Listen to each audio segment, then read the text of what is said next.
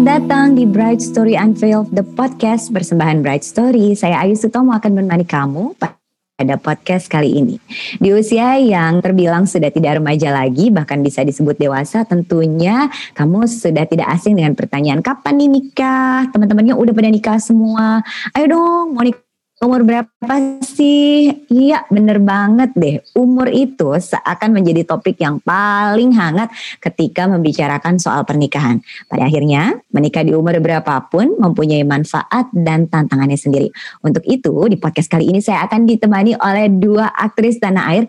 Yang keduanya adalah pengantin baru. Nah, yang pertama sudah hadir bersama kita di sini ada Keisha Ratuliu. Hai Keisha.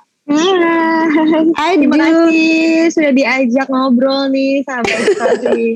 terima kasih loh sudah menyempatkan ngobrol sama kita di tengah bulan madunya. Iya kan Keisha? iya betul. Keisha ini baru saja melangsungkan pernikahannya dengan Adi Permana di awal Februari. Selamat ya untuk pernikahannya. Ya ampun senang banget ngelihatnya. Dan hari ini kita nggak hanya berdua ya Keisha, karena di sini juga sudah hadir salah seorang teman saya lagi, yaitu Vicky Monica. Hai Vicky. Hai. Apa kabar dirimu? Baik sekali, apa kabar Bayu? Baik, Alhamdulillah seneng banget. Ini juga tergolong pengantin baru. Baru menikah dengan Restu Sinaga di akhir tahun lalu. Selamat untuk pernikahannya. Seneng banget ngedengar ya setelah 10 tahun. Iya, setelah 10 tahun ya. Oke, kita akan ngobrol-ngobrol nih soal menikah di usia 20-an atau 30-an. Saya mungkin ke Keisha dulu kali ya. Keisha ini menikah di usia cukup muda, sekitar 22 tahun. Boleh di-share gak sih apa emang udah jadi mimpi-mimpinya menikah di usia 20-an atau baru kepikiran pas ketemu dengan suami, oke okay, ini orang yang tepat, waktu yang tepat, jadi gak apa-apa 20 tahun langsung menikah. Uh, Oke, okay. jadi aku tuh sebenarnya dari dulu emang pengen nikahnya tuh muda karena uh, role model aku tuh kayak mama, uh, Bunda Mona itu semuanya menikahnya di usia muda sampai oma aku pun juga nikahnya di usia muda gitu. Jadi kayak aku di prinsip aku aku taunya kalau oh oke okay, nikah tuh memang umur di 20 tahun uh, sekian gitu kan. Terus habis itu uh, setelah uh, aku di umur 20 tuh udah mulai kayak eh udah umur kayak bunda dan mama nih kayaknya aku udah harus menikah deh gitu. Nah tapi ada sempat juga waktu di mana aku kayak oh kayaknya aku nggak kayak mereka deh aku kayaknya nikahnya nggak semudah mereka gitu. Tapi setelah menjalani beberapa waktu aku ketemu sama Adi karena Adi kebetulan temen kuliahku juga.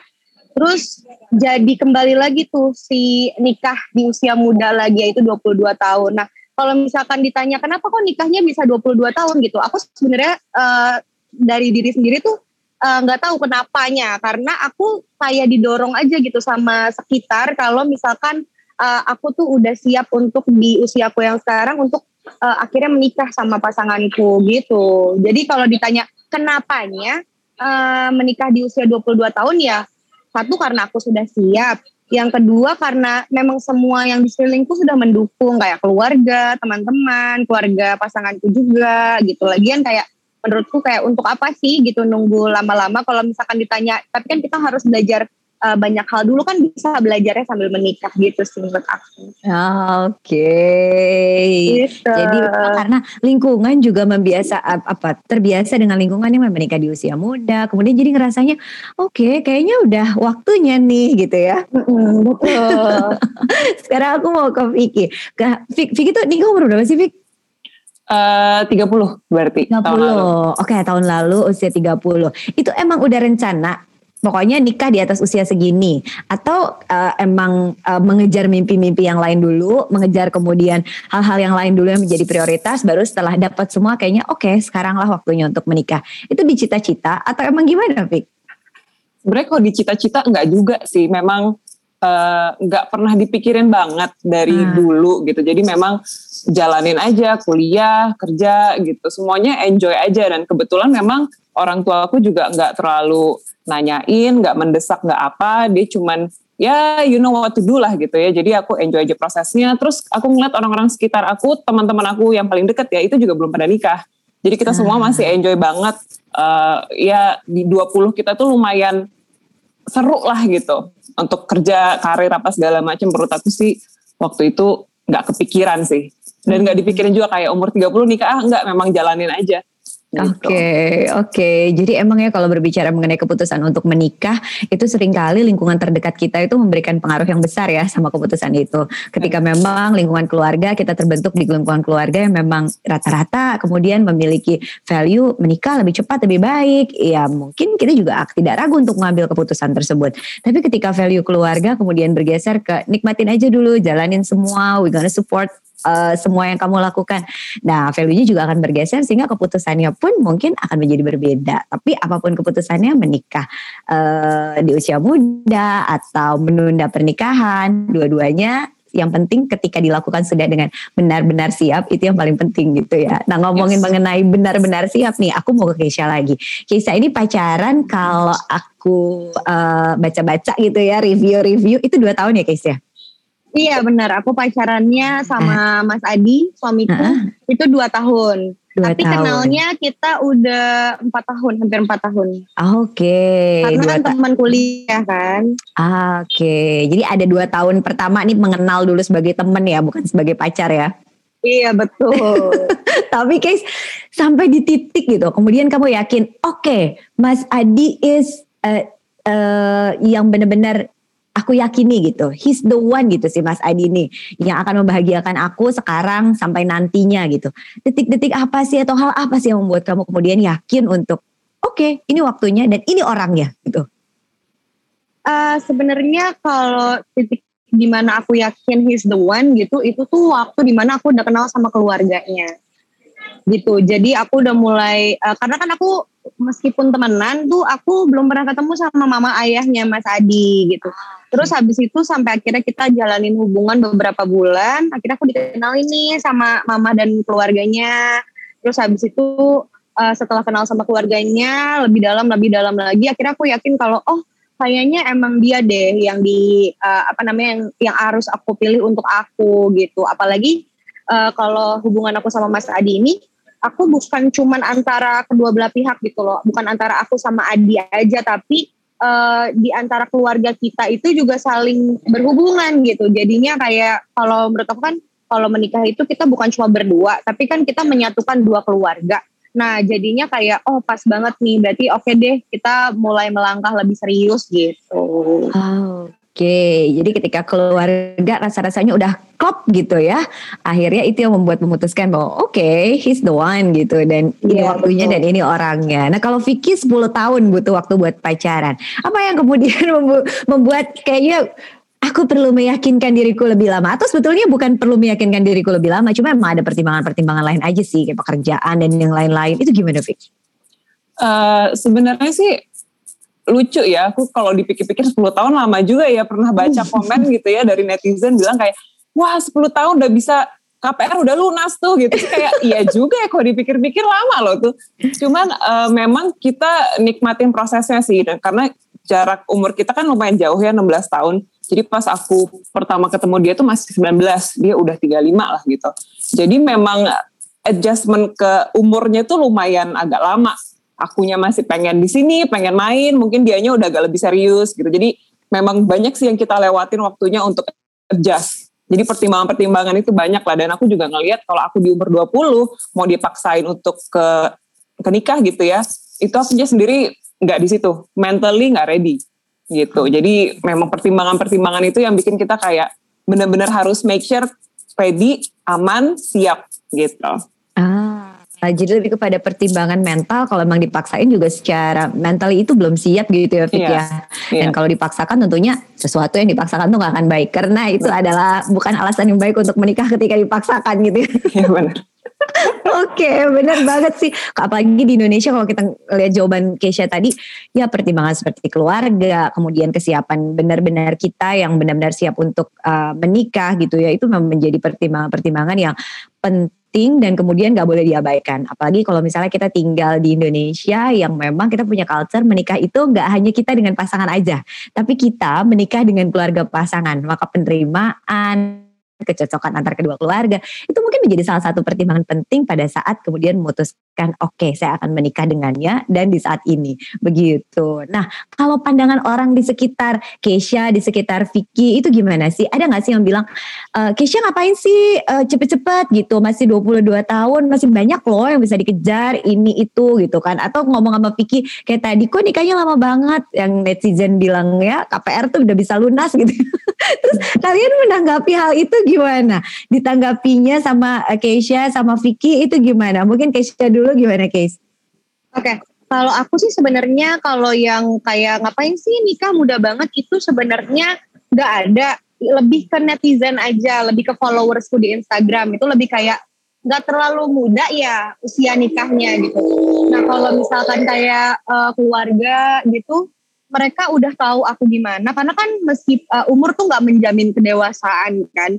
Nah makanya kalau keluarga tuh lebih kayak mendukung sih gitu. Kalau misalkan yang lebih kayak kok nikahnya muda sih itu lebih kayak ke followersku gitu karena kan tidak mengenal gitu. Jadi kayak aku menanggapinya tuh lebih kayak ke yang penting uh, kita siap mental, siap finansialnya juga udah siap, segala-galanya udah siap gitu dan udah di well prepare gitu, nggak buru-buru gitu. Karena aku juga menyiapkan pernikahan ini bisa dihitung itu hampir satu tahun lebih karena aku tunangan itu di tahun 2019 uh, uh, akhir gitu. Terus baru nikahnya kemarin Februari 2021. Jadinya kayak cukup lama dan di situ juga kita prepare diri banget tuh aku sama Adi sama keluarga juga kita banyak minta masukan gimana gitu itu sih kalau menanggapi yang di uh, Instagram atau kayak uh, teman online tuh istilahnya itu lebih kayak ke doain aja yang terbaik ya gitu sih.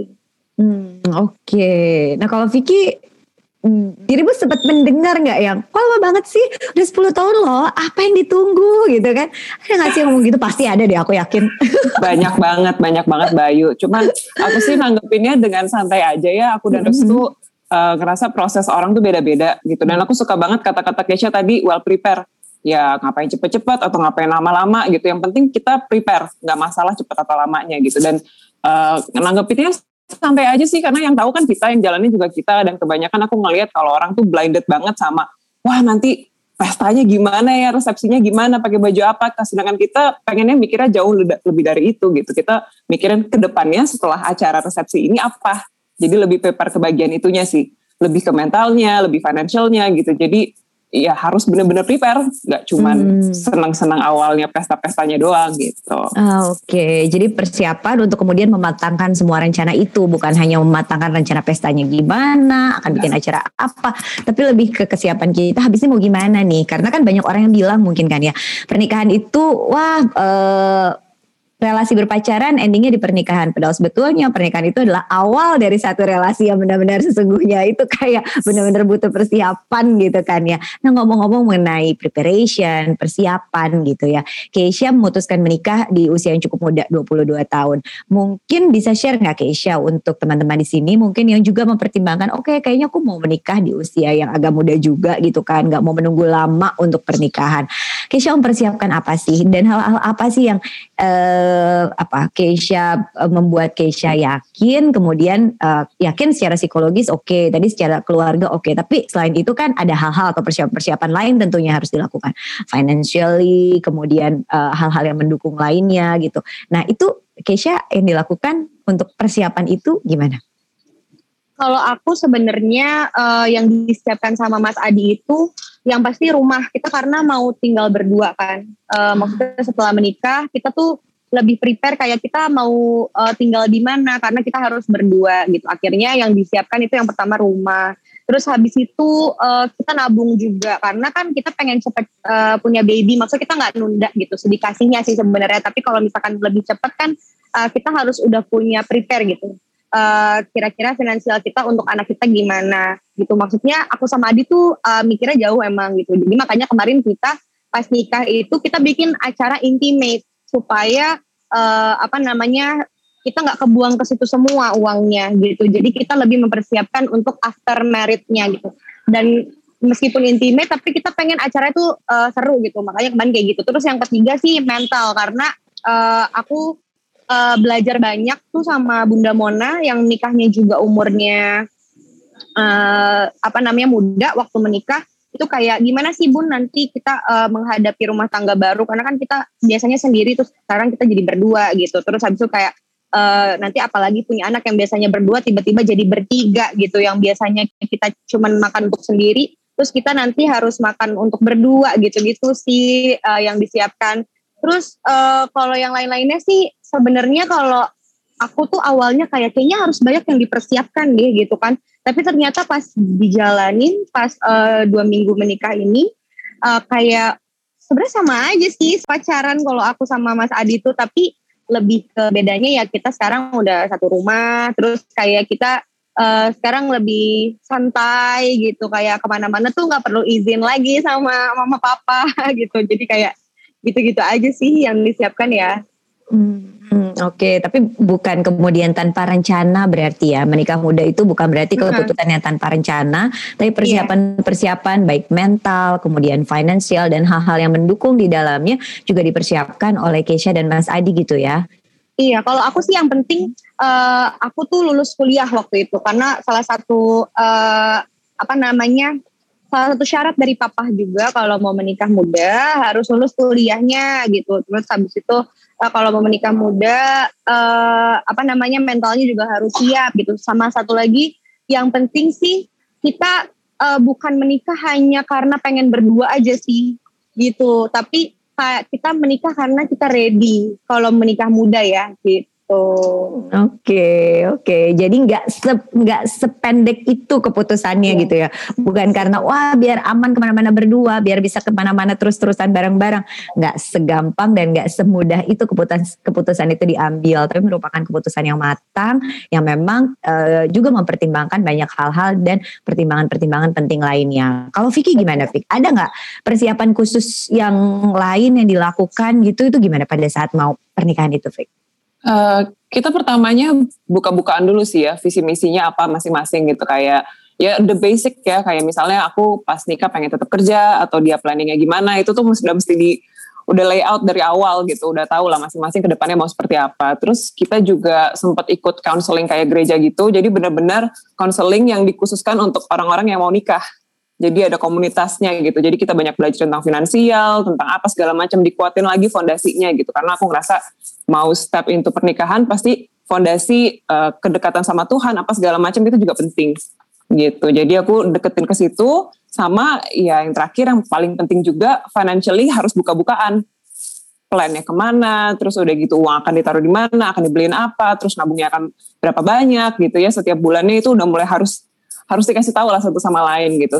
Habit spendingnya juga aku ngerasa itu penting untuk pasangan tahu gitu. Jadi habit spending aku biasa segini, restu segini gitu. Jadi kita udah buka-bukaan banget lah bagian itu. Jadi mungkin sebelum nikah aku make sure tiga hal itu sih yang aku pakemin banget jadi nggak kaget gitu. Oh oke, okay. jadi memang persiapannya lebih ke arah uh, apa finansial, kemudian keterbukaan, kemudian uh, kebiasaan-kebiasaan dalam pengelolaan keuangan gitu ya. Emang benar banget sih karena banyak kasus uh, perpisahan terjadi gitu ya. Dasarnya adalah ketidakterbukaan dalam uh, berbicara uang dengan pasangan. Nah berbicara uang dengan pasangan dibiasakan dari sebelum menikah dan sangat terbuka sebelum menikah itu bisa menjadi salah satu juga ya yang kemudian kita rancang sebagai bagian persiapan pernikahan karena memang membicarakan atau ber, ber, berkebiasaan untuk berkomunikasi yang baik dengan pasangan apa pun uh, sesensitif apa pun isu yang dibahas atau diangkat. Oke, keren banget deh. Menikah di usia 20-an, di usia 30-an, itu keduanya sebetulnya adalah pilihan yang sama-sama baik asalkan didasarkan pada keputusan bahwa menikah karena benar-benar siap. Bukan menikah karena tekanan lingkungan, bukan menikah karena memang hanya ingin berdua, karena memang benar-benar siap secara fisik, mental, kemudian secara psikologis, secara finansial, dan hal-hal lain yang mendukung di dalamnya. Nah, kalau kemudian kita sudah berbicara mengenai kesiapan uh, psikologis, yang paling penting berarti menikahlah pada saat kita benar-benar merasa siap dan yakin bahwa dia adalah yang akan membuat kita bahagia sekarang dan ke depannya nanti. Dan kemudian berbicara mengenai kesiapan finansial atau hal-hal materi lain yang tidak bisa diindahkan, keterbukaan itu menjadi salah satu persiapan yang sangat penting untuk dilatih berbicara mengenai isu apa pun, sesensitif apa pun dengan komunikasi yang terbaik sehingga sudah terbiasa ketika menjalani pernikahan berapapun usianya. Karena memang kedewasaan atau usia tidak tidak terkait dengan kedewasaan secara psikologis. Tapi pastikan apa pun pilihannya, menikah di usia 20 tahunan, 30 tahunan, menikahlah ketika memang benar-benar siap baik secara mental, finansial, dan juga secara fisik pastinya. Nah, itu tadi perasaan pertanyaan terakhir dari saya. Semoga obrolan kita hari ini bisa memberikan pencerahan kepada calon pengantin yang akan menikah di usia 20-an maupun yang akan menikah di usia 30-an supaya tidak perlu insecure. Menikah di usia berapapun, semoga pernikahan kamu selalu diliputi oleh kebahagiaan. Nah, terima kasih banyak untuk sharingnya Keisha dan Vicky dan Bright. Jangan lupa untuk terus stay tune di Instagram The Bright Story dan Spotify Bright Story Unfiltered the Podcast untuk nonton dan dengerin terus podcast ini. Saya Ayu Sutomo pamit. Terima kasih. Sampai jumpa dan bye.